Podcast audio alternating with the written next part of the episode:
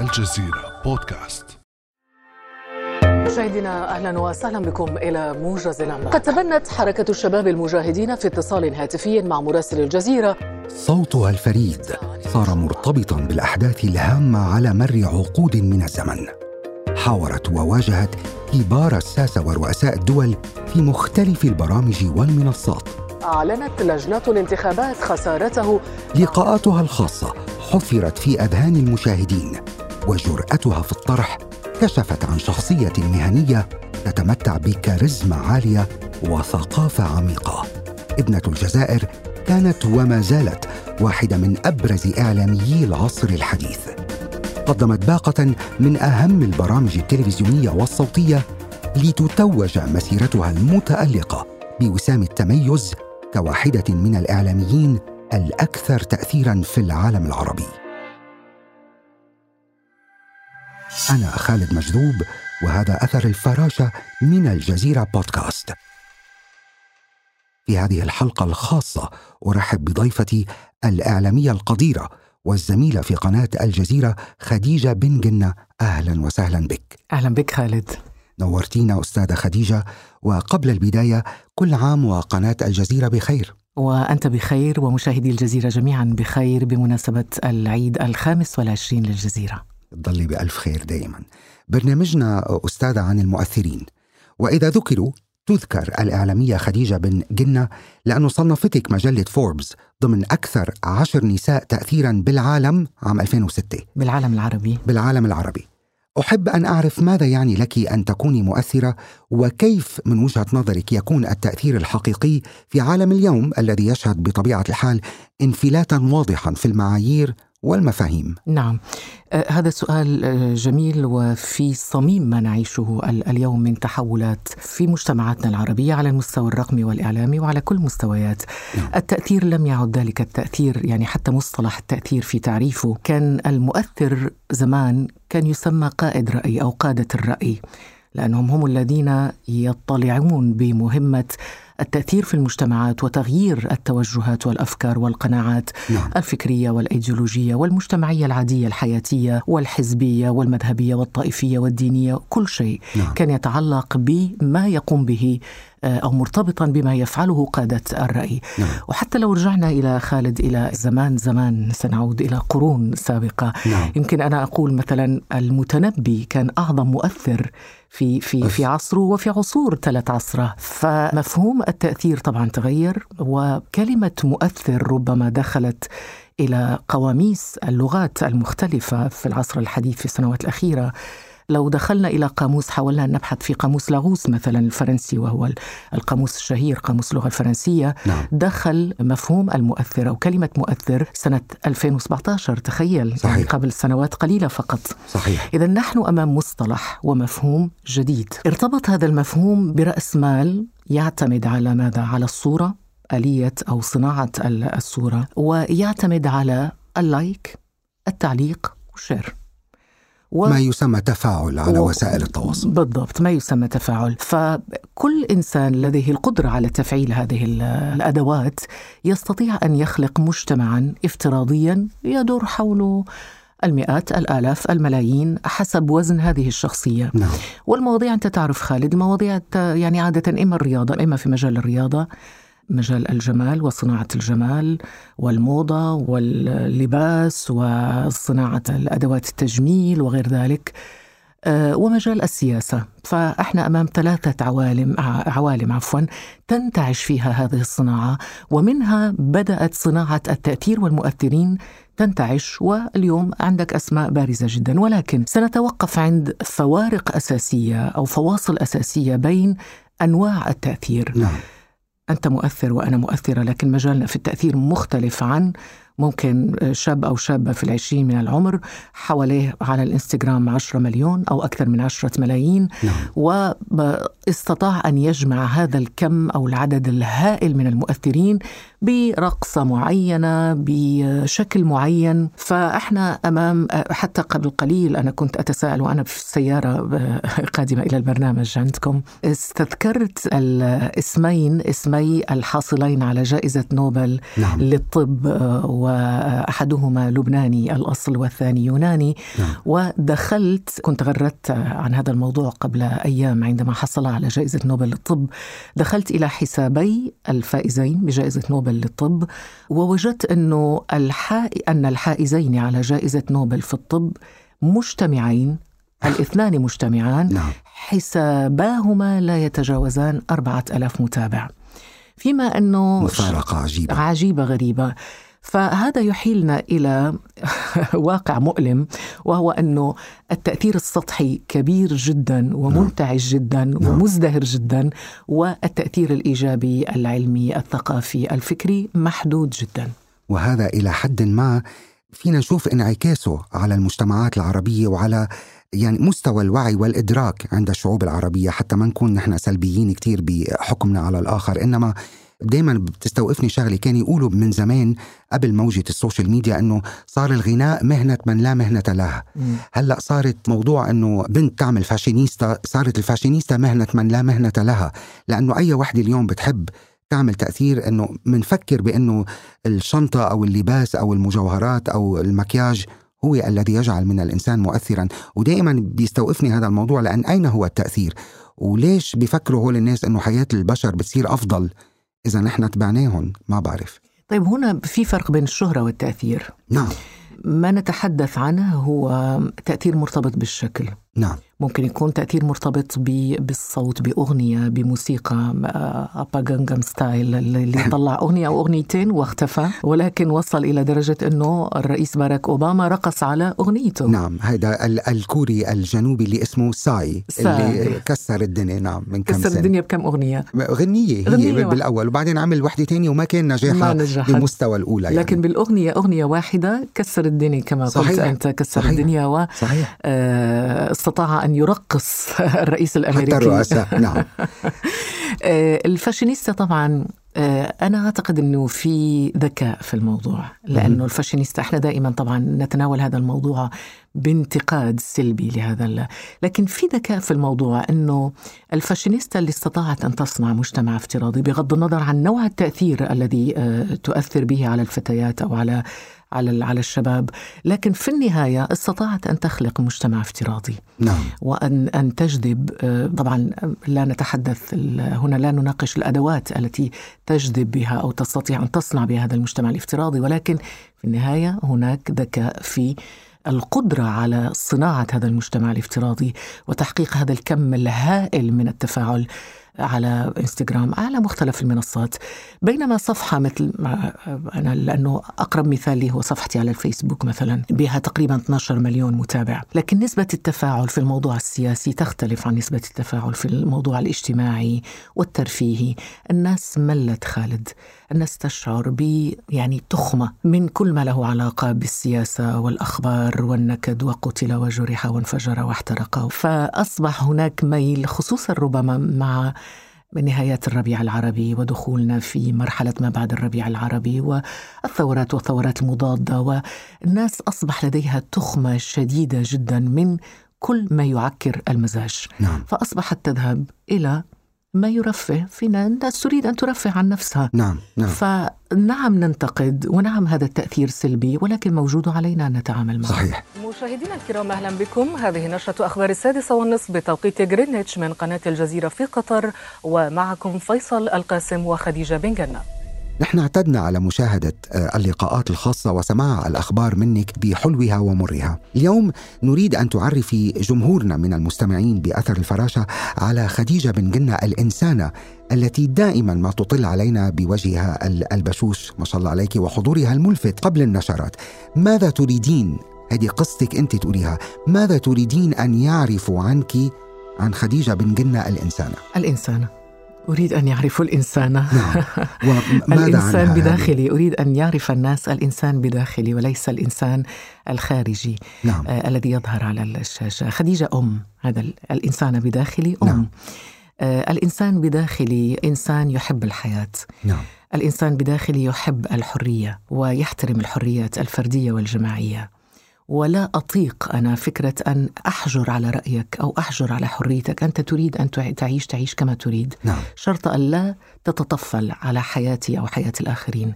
فتقديس الحريات الفردية. هذا الإنسان حر بداخلي. ما لم تضر. بالضبط. الإنسان بداخلي أنا تعريفي لنفسي اولا أنه أنا أم رامي وأنا أم طلال وأنا أم رؤية. الله آه، يخلي لك اياهم الله يخليك. هذا التعريف الذي ربما الناس لا تراه على الشاشة. الناس تعرف خديجة التي تقدم الأخبار والبرامج السياسية الشخصية المهنية. وتحاور نعم. و... لكن خديجة الإنسان التي تذهب بالسيارة مع أولادها للمدرسة يوميا وتلتقي بالأساتذة و يعني وتزعل وتفرح و... وأحيانا تقفز وترقص. والإنسان ب- بمفهوم الإنسانية العادي. هذه الصورة التي الناس لا تراها إلا أحيانا في بعض البرامج. أتذكر أنه الجزيرة سنة 2006 عملت برنامج آه، عن ذكرى الجزيرة وبث البرنامج وجاءت جاء فريق الجزيرة وصور عندي في البيت وأنا ماسكة البيبغون وأرضع ابني طلال و كانت صورة غير غير معتادة بالنسبة- نعم صحيح نعم. صحيح. خديجة التي تحب الرياضة الناس لا تعرفها أنا أسبح بشكل تقريبا شبه يومي. نعم.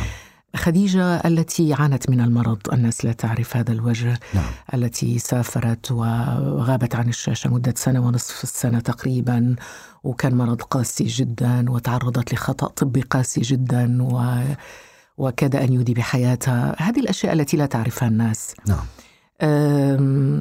خديجة التي تحب اللغة العربية وتدمن في حبها للغة العربية يعني وللأسف تشعر أيضا بالأسى أنه لم أورث هذا الحب لأبنائي وهذا يشكل بالنسبة لي تأنيب ضمير كبير جدا. خديجة الزوجة خديجة خديجة الإنسانة التي تخطئ وتصحح وتخطئ مرة أخرى وتصحح وتخطئ مرة ثالثة وتصحح. آه، وكل إنسان كل بني آدم خير الخطائين التوابون. خديجة التي تحاول أن تقاوم أيضا زحف الشيخوخة وال- والزمن بربما الحفاظ على اللياقة البدنية والعقلية والعقلية وال- والذهنية بالقراءة صحيح طبعاً. صحيح. خديجة التي عندما تسافر أول وجهة لها هي خصوصا عندما أذهب إلى باريس هي مكتبة لافناك نعم. والمنظر الذي يعجبني دائما في القراءة والقراء عندما تذهب إلى مكتبة عامة مثلا وتجد القراء يعني جالسين على الأرض. وعلى اختلاف درجاتهم ومستوياتهم وزير فراش كاتب ايا كانت هذه الدرجة. بتلقاه موجود على الموكات على الأرض وجالس ماسك الكتاب ويقرأ كتاب أو طفل جاي مع أمه. هذه هذه الأشياء الجميلة البسيطة في الحياة التي نفتقدها أحيانا لأنه مكتباتنا العربية خربتها يد الإنسان وخربتها يد ال- السياسيين لأنه نعم. الآخر اهتماماتهم هي الكتب وال أتمنى أن أجد بين مكتبة ومكتبة مكتبة. نعم. في الغرب تذهب بين أكثر الأشياء التي تصادفها في الشارع هي إيش؟ محطة مترو ومكتبة وصيدلية. تمشي شوية محطة مترو ومكتبة وصيدلية. صحيح. وهكذا. نعم. فإحنا نفتقد هذه الأشياء لأنه إحنا بين parking و parking بتجد سيارة فارهة. نعم. وبين محل ومحل للماركات وال brand ات الكبيرة تجد أيضا مول. وهكذا. فاستطعنا فعلا وهذا ليه مش عيب يعني. إحنا بالعكس إحنا ناس طبعا نحب ال- الفاشن واللباس ونهتم بأشكالنا ولكن نهتم أيضا بتغذية عقولنا. صحيح. اليوم الإنترنت الحمد لله وهذا يعيدنا إلى موضوع التأثير. الإنترنت غطى بجزء مع يعني معقول هذا الفراغ لأنه الكتاب الذي لا تستطيع أن تشتريه من المكتبه تذهب إلى أمازون وتشتريه. صحيح. والبرنامج اللي خصوصا الآن مع البودكاست والآن نروج أنا وأنت البودكاست طبعا طبعا اللي ما بتسمعه مثلا ويفوتك سماعه بتفتح على البودكاست وتختار ماذا تريد أن تستمع إلى ماذا صحيح. تريد أن تستمع صحيح فاليوم في بدائل الحمد لله هيدي هيدي خلينا نقول يعني الجزء الإيجابي من التكنولوجيا في حياة الإنسان إنه سرعة وقدرة الإنسان على الوصول إلى المعرفة. بدنا نبدأ ب يعني رحلة الحياة مع حضرتك. أنت بدات حياتك الصحفية من معهد الإعلام بجامعة الجزائر. اللي بحب أعرفه منك لماذا اخترتي هذا المجال بالتحديد ومن شجعك على ذلك؟ هو في الحقيقة أنا أبدا لم يكن توجهي صحافة وإعلام كان آه، آه فعلاً. توجهي علمي نعم يعني سأفشي سرا أتمنى ألا تستمع أمي لبرنامج ال- الله يخلي لك. إياها ويطول عمرك ويخلي لك أهلك يا رب أنا غيرت بدون ما أخبر لا, لا والدي ولا والدتي ال ال ال وكان ال- التوجه طبعا أوف. في, ال- في الثانوية العامة جميل كان لأنه أخواتي اللي قبلي كان توجههم أدبي نعم وتخصصنا في اللغة الإنجليزية والحقوق وكان أمل والدي والدتي والدي الله يرحمه الله يرحمه. والدتي ربي يطول في عمرها ويطول في. عمر أعمار آه، والديك ووالدين المستمعين يخليك. أيضا فالوالدة تحديدا كان أملها أن أصبح طبيبة نعم ولأني أعرف إلى أي مدى هي ووالدي الله يرحمه كانوا معلقين أمل على أنه أنا أنتهج أو آخذ هذا التوجه يعني هذا الطريق ولا أذهب إلى التوجهات ال- الأدبية. الأدبية. نعم. فأنا الخطيئة هي فعلا خطيئة أكبر من الخطأ أنه أنا خوفا من ردة فعلهم. ذهبت إلى إدارة الثانوية اللي كنت فيها وطلبت منهم أن يغيروا غيرت الصف وذهبت إلى توجه مختلف تماما. نعم. لأني كنت أشعر بأنه أنا أريد أن آه، ألتحق ب أنا بحب الصحافة أريد أن ألتحق بمجال الإعلام أو العلوم السياسية. نعم. تخيل خالد أنه أنا آه، أجريت امتحان عديت امتحان البكالوريا وطلعت النتيجة الامتحان أنه الحمد لله أني نجحت ووالدي ووالدتي ما كانوا عارفين أنه أنا غيرت ال- طبعا كانت الصدمة كبيرة ولكن في نفس الوقت أنا حققت شيء أنا كنت أحبه. هذا يدل على شخصية أولا تتمتع بجرأة بمكان ما. ما تنسي كنت مراهقة آنذاك. وكمان يعني تتمتعين بتلك ال- القدرة على تحديد مسار حياتك بنفسك ودون دعم من الوالدين. هذا يعني قوة شخصية تحسدين عليها. ما شاء الله عليك. آه بس فيها شوية عصيان و طيب تمرد. آه، يمكن المتمردين دائما هم الذين يتركون بصمة أحيانا في الحياة. إذا بنرجع بالتاريخ بنلاقي أنه دائما المختلف هو الذي يبصم فكانت هذه هي البداية فبدأت دخلت معهد ال- الإعلام كلية كلية الإعلام جامعة الجزائر نعم. بعد مسابقة كنا 1700 والحمد لله رب العالمين كنت الثالثة في الترتيب من بين الله. 1700 وبدأت هكذا كان هذه بداية المسار تخصصت في ال- الإذاعة والتلفزيون ولكن في نفس الوقت كنت محظوظة أنه أنا من السنة الأولى كنت التحقت بالإذاعة. الوطنية في ذلك الوقت. نعم. وأعطيت لي الحمد لله هذا توفيق من رب العالمين ويعني الحظ ابتسم لي أنه كانوا محتاجين أصوات في ذلك الوقت وأجريت مسابقة ووقتها كان عمري يمكن 20 سنة. وقبلت على الفور وبدأت أقدم نشرات الأخبار وفي نفس الوقت أدرس في الجامعة. نعم. لما خلصت هذا كان في الإذاعة لما خلصت شهادة ال- الليسانس تحولت إلى التلفزيون. نعم. كان وقتها خالد بداية آه، في تلك الفترة كانت يعني هي مرحلة تاريخية بأتم معنى الكلمة لأنه كانت بداية الديمقراطية عهد الديمقراطية نهاية الحزب الواحد ونهاية الدكتاتورية والدخول على مرحلة جديدة. نعم. لم يكن هناك فضائيات. صحيح. نحن نتحدث طبعا في الجزائر تحديدا الجزائر بداية التسعينيات نعم قبل أن نصل إلى هذا الموضوع لأنه بدي أسألك عنه أه، بدي أعرف لما عرفوا الوالد والوالدة بأنك أنت عملتي هذا القرار وكيف كانت ردة الفعل؟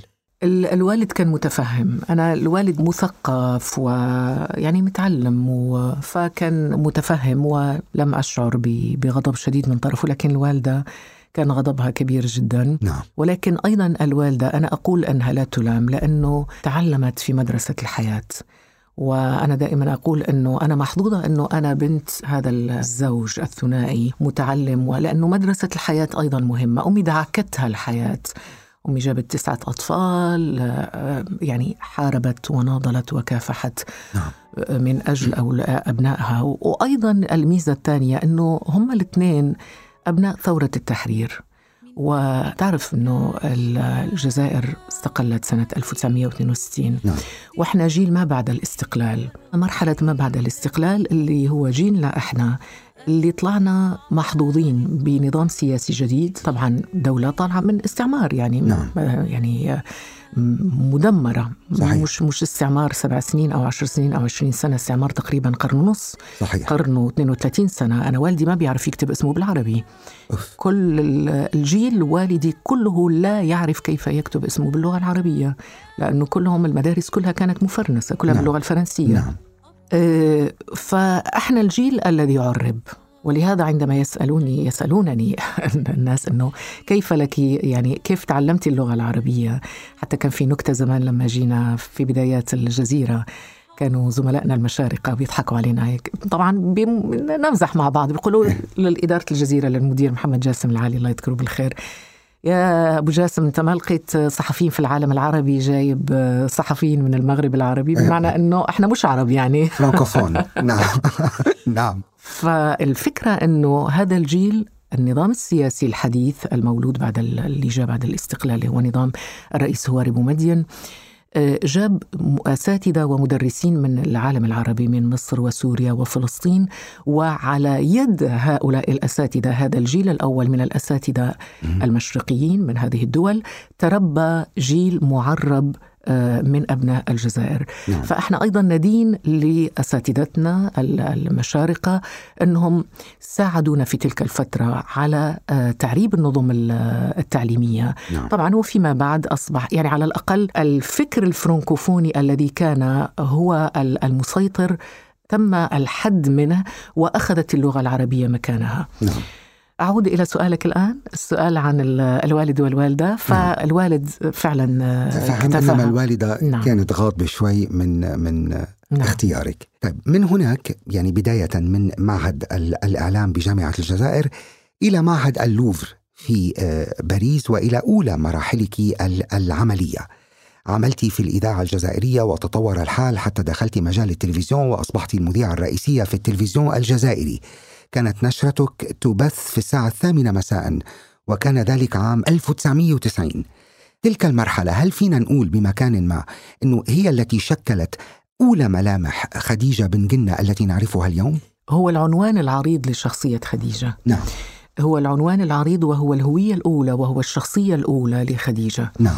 هذه المرحلة كانت مرحلة الانتعاش الديمقراطي نعم. ومنسوب الحرية أو هامش الحرية كان عاليا جدا ووقتها ما كان في فضائيات خالد فكان التلفزيون الجزائري بالنسبة للدول الجارة تونس والمغرب كان يعتبر يعني شيء آه، رائد كانت فريد كانت. نعم, نعم. كانت تسجل الأشرطة على أشرطة الفيديو وتسرب عبر الحدود أوف. إلى الدول المجاورة اللي حدث أنه النظام ال- السابق انتهى جاء نظام جديد الأحادية الحزبية ونظام حزب الواحد انتهى. تعددية حزبية أحزاب آه، حريات آه، حريات حزبية سياسية فردية جماعية كل أنواع الحريات توفرت وخصوصا حرية الإعلام. نعم. آه، انتهت نشرة استقبل وغادر وهنأ وأكل وشرب ولبس وبدأت نشرة التحدي المهني. نشرة الانتقاد لأداء الوزير الانتقاد لأداء المسؤولين. وكان هذا شيء غير معهود من قبل لا في الجزائر ولا في, في المغرب العربية العربي يعني الدول العربية. كلها. والدول العربية صحيح استمر هذا الوضع هكذا وإحنا استفدنا جدا كإعلاميين لأنه استطعنا أن نفجر طاقاتنا في هذا الجو ال- الإبداعي وهذا الهامش العالي من السقف العالي من الحرية نعم. إلى أن حدث ما حدث. من هون لأم رامي علاقة تربطها بفلسطين مم. وتحديدا القدس. أنت حضرتك قمت بزيارة فلسطين أكثر من مرة. هذا السؤال من شقين أولا الكل يتساءل ما كان السبب وراء تلك الزيارات؟ السبب مهني. نعم. أول مرة ذهبت لتغطية الانتخابات. ثاني مرة ذهبت لتغطية ذكرى النكبة. نعم. وهكذا. في كل مرة كانت هناك مناسبة تدعوني إلى إلى الزيارة. نعم فكلها كانت مناسبات مهنية.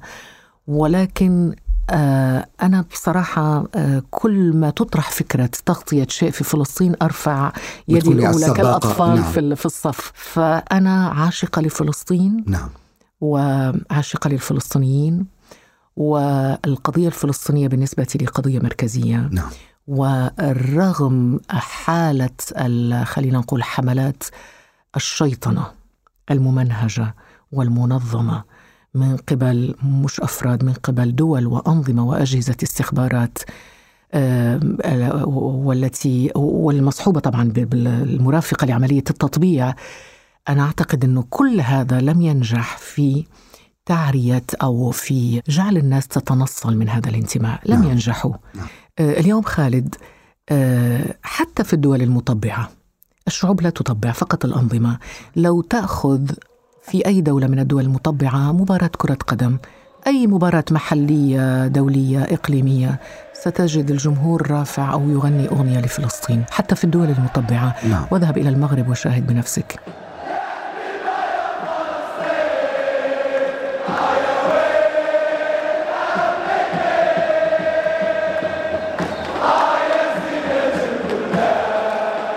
فالشعوب ما زالت متمسكة بهذه الثوابت ولكن الأنظمة التي تبحث عن شرعية وعن التمسك بالكراسي والتسمر على الكراسي نعم. طبعا هي التي تطبع طب وفي ظل اليوم التطورات الأخيرة التي شهدت تطبيع بعض بعض عفوا دول منطقة الخليج مع إسرائيل اليوم هل ما زالت آه، القضية الفلسطينية قضية محورية بين الشعوب العربية ككل؟ نعم الاختبار والامتحان والمؤشر الأساسي هو الجماهير في ملاعب كرة القدم الشعوب نعم.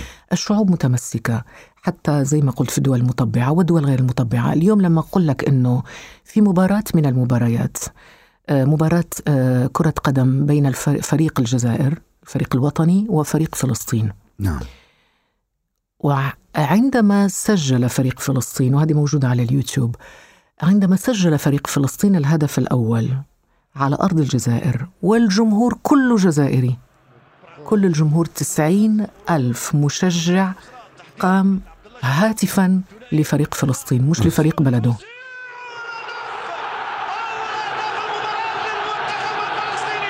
فهذا دليل على أنه الشعوب ما زالت متمسكة نعم. ما زالت تؤمن بأن القضية الفلسطينية هي قضيتنا المركزية نعم.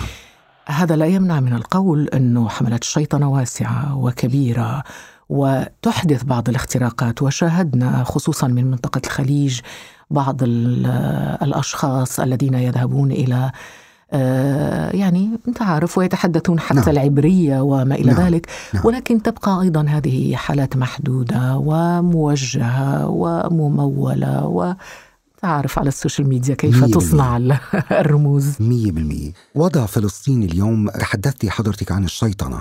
إلى أي مدى هذا الموضوع يؤثر في الذاكرة العامة عند الشعوب العربية؟ فلسطين والتأثير.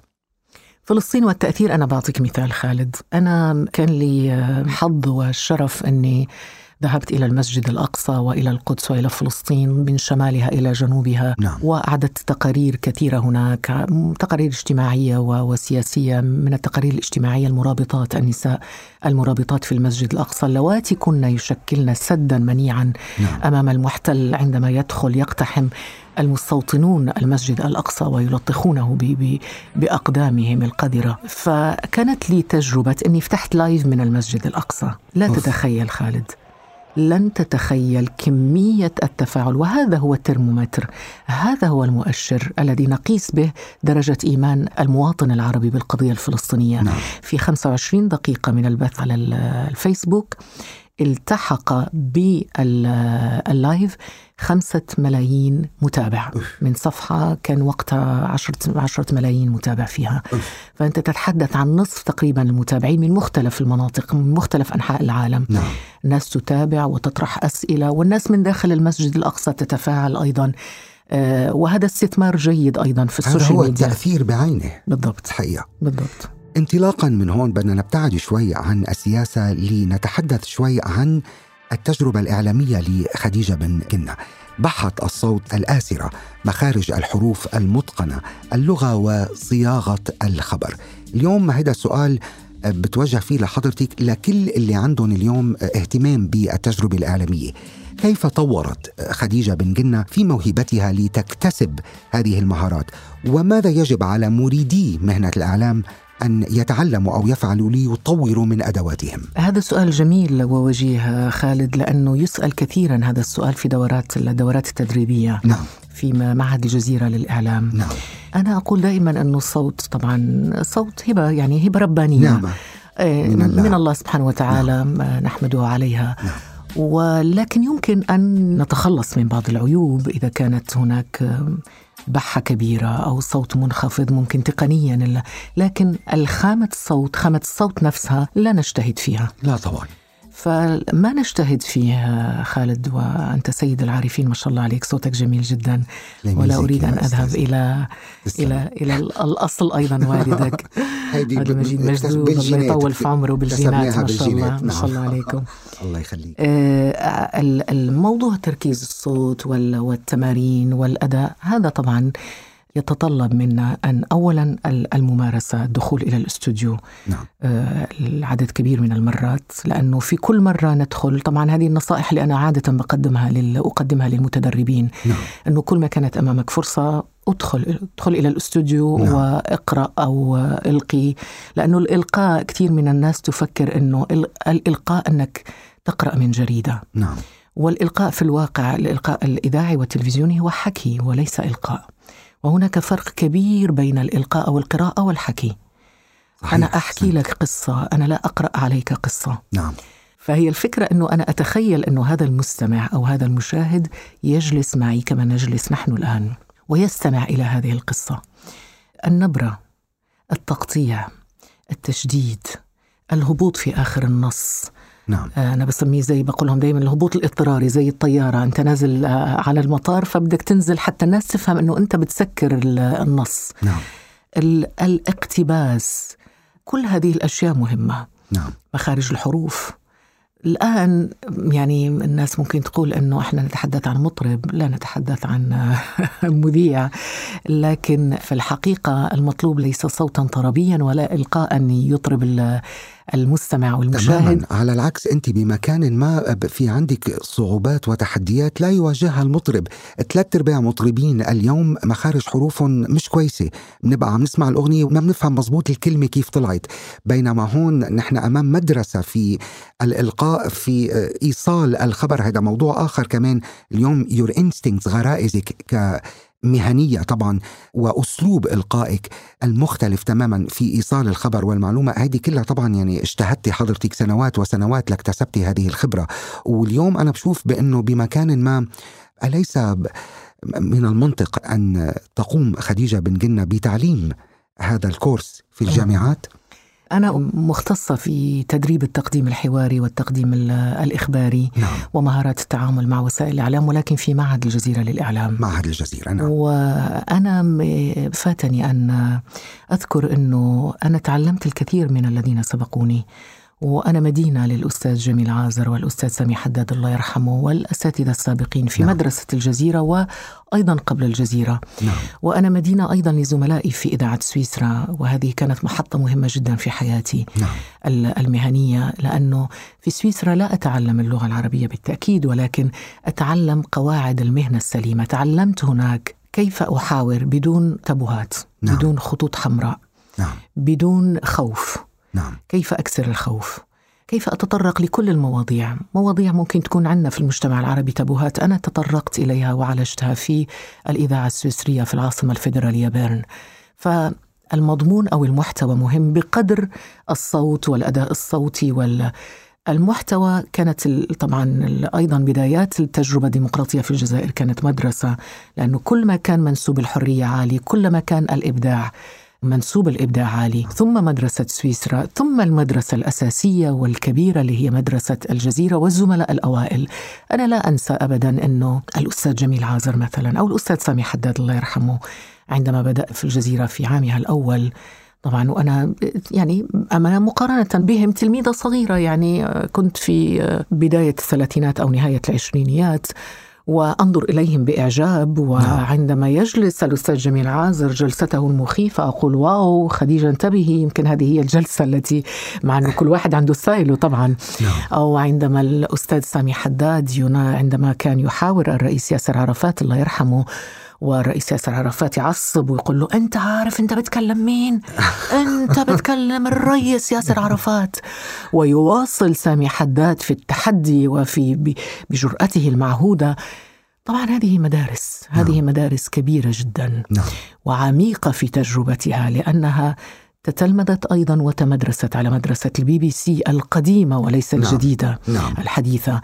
فإحنا المدرسة الكلاسيكية أحسنت. التي ما زالت يعني من أهم المدارس في العمل ال- ال- الإخباري نعم. نعم فكل هذه المدارس الكلاسيكية والحديثة اليوم تصنع منهجا تدريبيا جديدا يزاوج بين المدرستين ولهذا أنا عندما أدرب المتدربين في معهد الجزيرة للإعلام أحرص دائما على أن أقدم لهم ثلاثة نماذج نموذج من المدرسة العربية وهي مدرستنا سواء الجزيرة أو البي بي سي العربي أو يعني القنوات الإخبارية العربية نعم.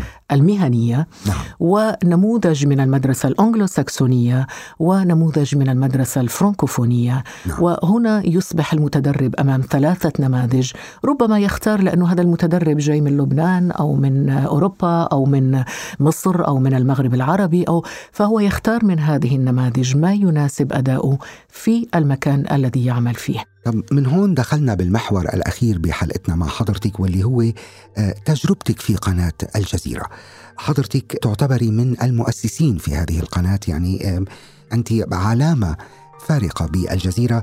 انتقلتي للعمل آه، ضمن طاقمها عام 1996 صحيح؟ وقعت 96 والتحقت ستة أشهر بعد ذلك. بعد ذلك بستة أشهر. أم رامي خبرينا كيف كان الاتصال الأول الذي طلبك إلى الشبكة وكيف تمت عملية انتقالك آه، للعمل في قطر؟ أول اتصال كان آه، مع المدير الأول للجزيرة قبل ال- الأستاذ محمد جاسم العلي. كان هناك الأستاذ عدنان الشريف. نعم. وكانت فكرة لم تكن ابدا. كان كل الطاقم ما زال يعمل في البي بي سي. والزميل الأستاذ آه، الله يذكره بالخير ونوجه له تحية من البودكاست. الاستاذ عدنان الشريف آه، كان أول من مسك المشروع نعم. وبدأ في العمل عليه وجاءني إلى سويسرا والتقينا في جنيف في فندق ليبرغ وجئت أنا من بيرن آه، بالقطار والتقينا في جنيف وطرح علي الفكرة وناقشناها واتفقنا على أساس أنه أول ما تبدأ هذه تطبيق هذه الفكرة لأنه كانت نظريا فكرة. نعم. واتفقنا وسافر عاد الأستاذ عدنان الشريف وعدت أنا إلى إلى بيرن للإذاعة السويسرية ومرت فترة. استلم فيما بعد أسند ال- المشروع إلى الأستاذ آه، محمد جاسم العلي. آه، الله يذكره بالخير أيضا من الزملاء الأعزاء جدا آه، على قلبي واللي كان له أثر كبير جدا على تجربة الجزيرة لأنه كان المؤسس الفعلي. نعم. أبو جاسم. هنا أنا تريثت قليلا لأنه تعرف تجربة في بلد عربي ونحن لسنا ذوي عهد بتجارب ناجحة صحيح. في العالم العربي في مجال الإعلام. فكانت الفكرة أني أتريث قليلا وبالفعل استنيت بضعة أشهر واللحظة الفارقة التي جعلتني أخذ أو دفعتني إلى أخذ قراري هي هذا البرنامج الذي كنت أتحدث عنه بين الزميل ياسر بين الزميل سامي حداد سامي حداد. والرئيس ياسر عرفات رحمهما الله. نعم. فوقتها طبعا ما كان عندي دش ما كان عندي بارابول فرحت اشتريت وحطيت في البلكونة عندي في البيت. وأول شيء شفته شفت هذا البرنامج. فقلت خديجة احزمي حقائبك. واذهبي. وفعلا جئت ولم أندم يوما على هذا القرار نعم. الجميل والتاريخي الذي أخذته في ذلك الوقت. نعم جميل. طيب في الشبكة تنقلت بين النشرات إلى ما وراء الخبر وأخيرا تجربة البودكاست بعد أمس رح نحكي عنها ضروري جدا وغيرها الكثير من التجارب. حضرتك أين تفضلين التواجد بين كل هذه الخيارات؟ جربت في الواقع خالد ال- المجالات تقريبا فيما عدا الاقتصاد كل المج... والرياضة إنه قدمت للمرأة. آه. قدمت في المجال ال- ال- المرأة نعم. والدفاع عن حريات المرأة وغير نعم. ذلك برنامج للنساء فقط صحيح وكنت أول من المؤسسين لهذا البرنامج مع زميلة ديما الخطيب نعم وقدمت برنامج الشريعة, الشريعة والحياة, والحياة. مع فضيلة. الشيخ يوسف القرضاوي الله يطول في عمره نعم وقدمت برنامج البرامج السياسية أكثر من رأي عفوا أي أكثر من رأي في بعض الحالات التي كان يغيب فيها زميلنا سامي حداد الله يرحمه ما وراء الخبر. نعم. لقاء اليوم لقاء خاص تقديم الأخبار طبعا. فقلنا أين تفضلين التواجد بين كل هذه التجارب الثرية والمختلفة والمتنوعة؟ أنا شخصيتي وهويتي صنعت يعني صنعتها الأخبار. نعم. فأجد نفسي في الأخبار أكثر نعم. وفي مجال السياسة أكثر. أستطيع أن أقول لك إني استمتعت أيضا ببرنامج للنساء فقط لأنه أشعر إنه في حاجة أيضا لفهم المرأة. نعم. والابتعاد عن الجندرة وجندرة كل شيء فيه امرأة مع أنه الآن على مستوى الديكور السياسي سنجد أنه هناك تسع نساء في الحكومة المغربية تسع في الحكومة التونسية هناك سبع نساء في الحكومة المغربية هناك نساء في كذا وكذا في ولكن هذه كلها تبقى ديكورات سياسية. نعم. فاستمتعت ببرنامج للنساء فقط. أه، ولأني امرأة فحسيت إنه إحنا عندنا فراغ في هذا المجال نعم. خصوصا مواضيع المرأة العميقة. يعني بالأمس أحد الزملاء أطلعني على مقطع أنا أنا نفسي نسيته. نسيت تماما البرنامج للنساء فقط. فبالصدفة وإحنا بنشوف مواد العيد الجزيرة القديمة. فأطلعني على مقطع مع المناضلة الفلسطينية ليلى خالد. نعم. وعن مقاومة المرأة الفلسطينية. للنساء فقط كان في مواضيع فكرية عميقة. فإحنا مش إنه موضوع المرأة بس زي لباس ومكياج وترفيه و و ولكن في قضايا نفس قضايا الرجل. نفس القضايا التي تناقش مع الرجل تناقش أيضا مع المرأة. إذا ما كان يمكن في أهمية ملحة أكثر حول قضايا المرأة أنا لازم اسالك هيدا السؤال انطلاقا من كلامك على برنامج للنساء فقط. لا يتوقف الحوار حول التغييرات التي شهدتها الدول العربية يعني مدى نجاح أو فشل جهود التحول للديمقراطية. يعني هذا الحوار خصوصا نحن عم نحكي بعد الربيع العربي يمتد هذا الحوار إلى جوانب اجتماعية وثقافية متعددة من بينها وضع المرأة في هذه الدول. برأي حضرتك هل أدت مشاركة المرأة في الانتفاضات والثورات في هذه الدول إلى تعزيز مكاسبها ودعم حقوقها أم أننا ما زلنا مكانك راوح؟ أقرب مثال لنا السودان. ما يحدث الآن وكلنا نتذكر تلك المرأة السودانية الجميلة التي وقفت في الميدان تغني ثورة ثورة. نعم. وإذا غصنا في التاريخ هذا اليوم السودان. نعم. إذا ذهبنا إلى التاريخ ذهبنا إلى عقود وعقود وعقود من الزمن خلت. سأقول لك انه المثال الأقرب الي هو جميلة بوحيرد نعم. وهي أيقونة الثورة الجزائرية التي طبعا. صنعت لها أفلام يوسف شاهين طبعا. أنجز فيلم ماجدة وفيلم ومخرج إيطالي أيضا أنجز فيلم صحيح. عن عن جميلة بوحيرد نعم. وأصبحت أيقونة تاريخية لكل النضالات الثورية في العالم أين هي الآن؟ جميلة بوحيرد نعم وراء المطبخ في البيت في بيت شيخوخة في دار في, في التقاعد في بيت من البيوت المخصصة للتقاعد والشيخوخة أين هي الآن؟ هي إنسانة مريضة تتعالج ولا أحد يسمع بها لم تأخذ حقها. نعم. كامرأة ساهمت في تحرير الجزائر أولا. كانت أول امرأة يحكم عليها بالإعدام. نعم. للأسف نحن قوم ناكرون للجميل وناكرون لجميل المرأة. والمرأة التي نحتاجها أيام الثورة وبعد الثورة نقول لها اطبخي وكما نقول بالعامية روحي وكلي أولادك خلينا نلطف شوي ونقول نقل فؤادك حيث شئت من الهوى.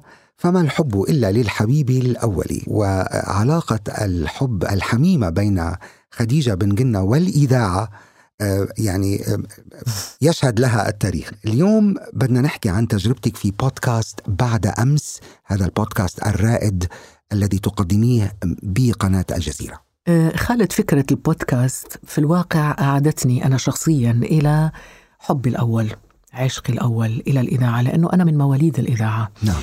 أنا بنت الإذاعة لأنه أنا أدرس في الجامعة. في السنة الأولى كنت أعمل في الإذاعة. وبقي هذا الحنين موجود إلى أن ذهبت إلى سويسرا وعدت إلى الإذاعة. نعم. لأنه بعد الإذاعة الجزائرية ذهبت إلى التلفزيون. صحيح. ففي سويسرا عدت إلى الإذاعة ولكن عندما ذهبت إلى الجزيرة بقي هذا الحنين موجود بداخلي. نعم.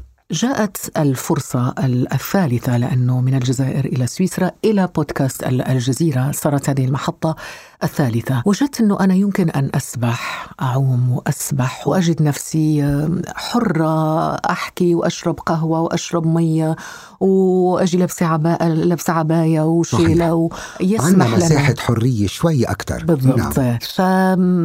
فغالبا حتى بالنسبة للضيوف بالمناسبة لأنه الضيف اللي أستضيفه على الشاشة استضفته مثلا بالأمس في الحصاد واليوم أستضيفه في البودكاست أجده مختلف. أجده أكثر عفوية وتلقائية وأريحية نعم. وإلى درجة الاستغراب أنه هو يعني أحد الضيوف مثلا قال لي والله أنا امبارح كنت معك بالحصاد يعني مش كأنه تلفزيون وإذاعة أخرى و...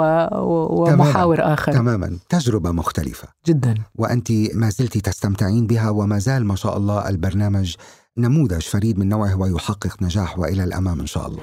بما أنه تحدثنا عن الثقل لازم أسألك عن هذا الموضوع لأنه عندي شغف بمعرفة إجابة منك. خلال عملك في قناة الجزيرة قابلت حضرتك العديد من الرؤساء والشخصيات السياسية والعلماء والمؤثرين. أمثال الشيخة موزة بنت ناصر ورئيس وزراء فرنسا السابق دومينيك دو فيلبان محمود أحمد نجاد معمر القذافي رجب طيب أردوغان والقائمة تطول. سؤالي هو من خلال لقاءاتك وبدي صراحة منك من الشخصية التي أعجبت بها حضرتك شخصيا ومن برأيك أصعب شخص قابلته طوال مسيرتك المهنية؟ هو لكل شخصية خالد لكل شخصية ميزة معينة. نعم. يعني آخر حوار مع سمو الشيخه مزمت ناصر كان حوارا شيقا جدا. نعم. لماذا؟ لأنه غصنا في الإنسان بداخلها. نعم. وطلعنا أشياء ماذا تشعر بماذا تشعر؟ آه، وهي تشاهد مثلا مخرجات مؤسسة قطر اللي هي في الواقع آه، ابنها ال- الأساسي. صحيح. قطر foundation نعم, نعم قطر نعم. foundation نعم. آه، طلعنا أشياء شخصية وليست رسمية. نعم. آه، لأول مرة نعرف مثلا قصص من قبيل أنه الفكرة جاءت وأنا جالسة وبشرب قهوة مع زوجي وبعدين فكرنا قلنا نادينا فلان وهو موجود معنا في الجلسة دكتور سيف الحجري وجاء شرب قهوة معنا وبدأنا نناقش الفكرة والخلفية. نعم. كان في فلوس في ذلك الوقت؟ لا ما كان في فلوس وكان عندنا ديون وكان كذا و... ففي أشياء لا تجدها. مثلا عند الشخصيات الرسمية جدا. نعم هذه الحميمية إذا هذه الحميمية. مستوى الصدق و... بالضبط. نعم. فهذه ميزة مثلا في هذه الشخصية الثقيلة التي صنعت هذه المعجزة اللي هي كتر فاونديشن بمؤسساتها المختلفة وبالثورة التي أحدثتها على مستوى الصحة على مستوى التعليم أولا. نعم. والجامعات الأجنبية التي جاءت بها وهي جامعات مرموقة جدا. طبعا. آه، على مستوى المبادرات الخارجية علم طفلا. على مستوى المرأة ودعم المرأة على مستوى المجتمع والبحث العلمي وكل شيء. فهذا الشيء ولكن الجانب ال- ال- الإنسان بداخل الشخصية المحاورة هذا الذي هذا يشكل تحدي. نعم. ومن أصعب شخصية آه، برأيك آه، قابلتها؟ آه، شخصية محمود أحمد النجاد كانت شخصية لافتة. نعم. كانت شخصية لافتة والظرف الذي أجرينا فيه المقابلة أيضا كان لافتا كان عشية عاشوراء. وعشية عاشوراء أنت تعرف خالد أنه الأجواء كلها رثائيات وبكائيات والجو المصاحب لهذه طبعاً. ال- المناسبة طبعاً. طبعا إحنا لأنه من في منطقة المغرب العربي يعني أكيد مش زي لبنان ودول أخرى لسنا مطلعين كثيرا على هذه الأجواء نعم فكان بسذاجة مني إنه أنا ذهبت البس أبيض لا لا يعني كوستيم أبيض. نعم. وعندما واللقاء مباشر المقابلة كانت آه، تبث على الهواء بشكل مباشر يعني لقاء مباشرة، مباشر نعم. مباشر على الهواء. نعم. وقوة شخصية محمود أحمد النجاد أنه هو اشترط أن يكون مباشر وليس مسجلا على عكس بقية المسؤولين الكبار الذين يفضلون عادة المسجل. نعم. فعندما وصلت يعني حسيت أنه في آه، توجس في نظرات بلبلة. عدم ارتياح. نعم. فسألت المترجم أنه في شيء فقال يبدو أنه الرئيس يمكن عنده إنفلونزا أو ولم يكن الأمر كذلك. نعم. فعندما جلسنا وبقي على البث عشر دقائق جاء طبعا لغة الجسد البادي لانجويج كله يوحي بالإشمئزاز. نعم. فجاءني مستشار وقال لي ست خديجة ممكن تتفضلي معي؟ فقمت أنا وسألني قال لي أنت ليش جاية لابسة أسو- أبيض اليوم؟ أبيض. فقال لي أنت عارفة أنه عاشوراء بكرة و فاعتذرت له أنا وقتها طبعا خلص يعني فهمت ال- قلت له وضحت الصورة نعم. وضحت الصورة. فقلت له أنه أنا آسفة جدا أولا.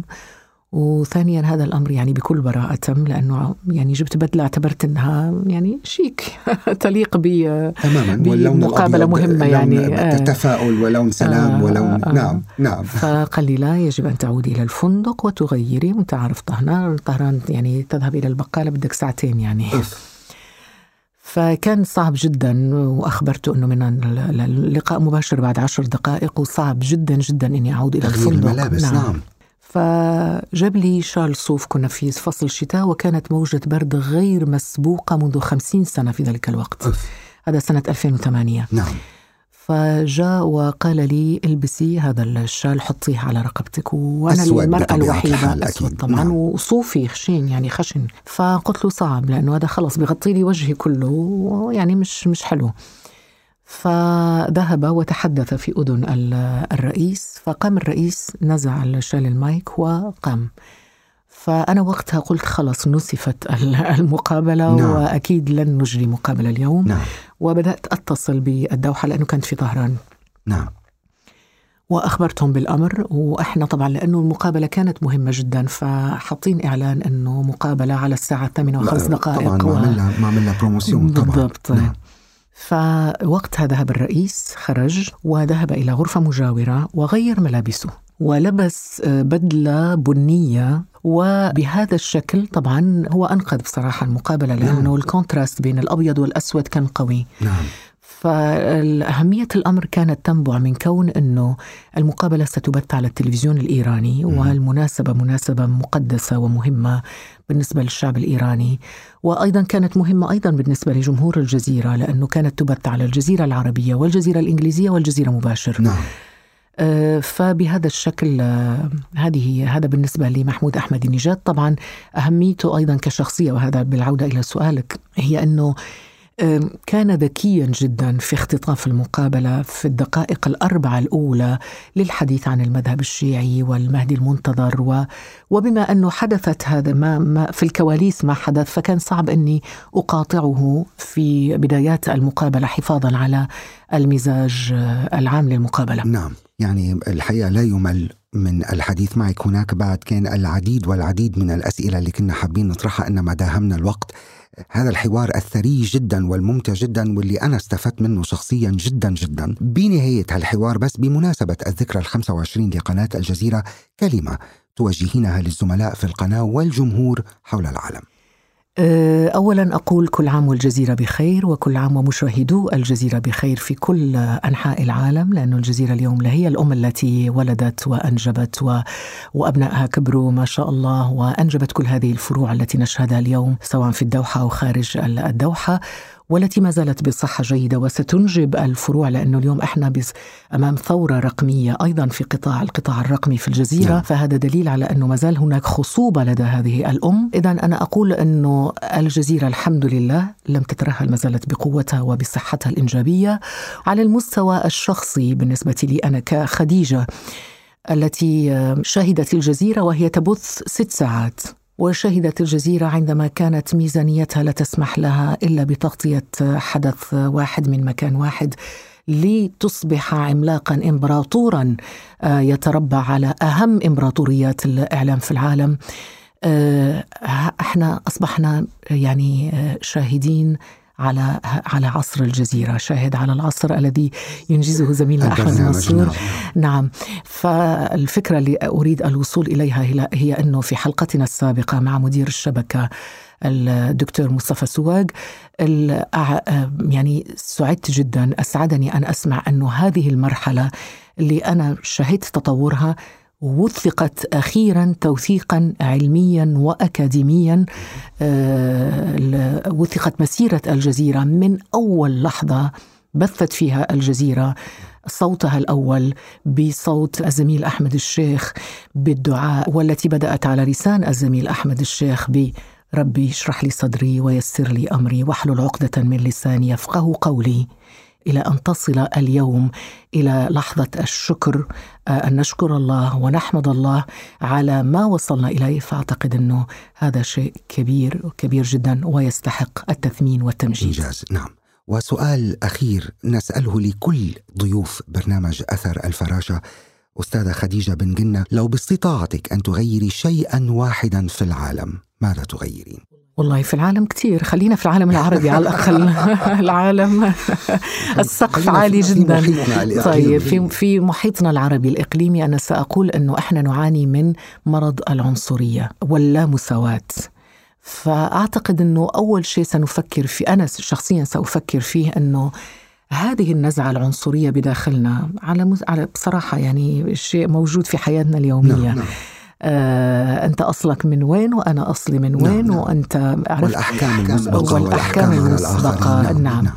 هذا إضافة إلى الأحكام المسبقة التي تحد يعني الحريات. متى نتعلم شيء اسمه احترام الحريات؟ الحريات الفردية والحريات الجماعية والحريات الدينية والحريات السياسية وأنت حر فيما تفعله.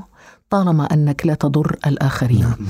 الشيء الثالث والذي آه، آه، يعني أنا في مساحة في قلبي فيها شوية آه، يأس من النظرة إلى المرأة. يجب أن تتغير نظرتنا إلى المرأة. ويجب أن نحترم طبعا كان فينا لولا ما راح أقول ضيق الوقت لأنه سجلنا كثير ولكن كان فينا نتحدث أيضا عن موضوع الخانات الخانات الضيقة التي توضع فيها المرأة والمرأة المحجبة بالمناسبة.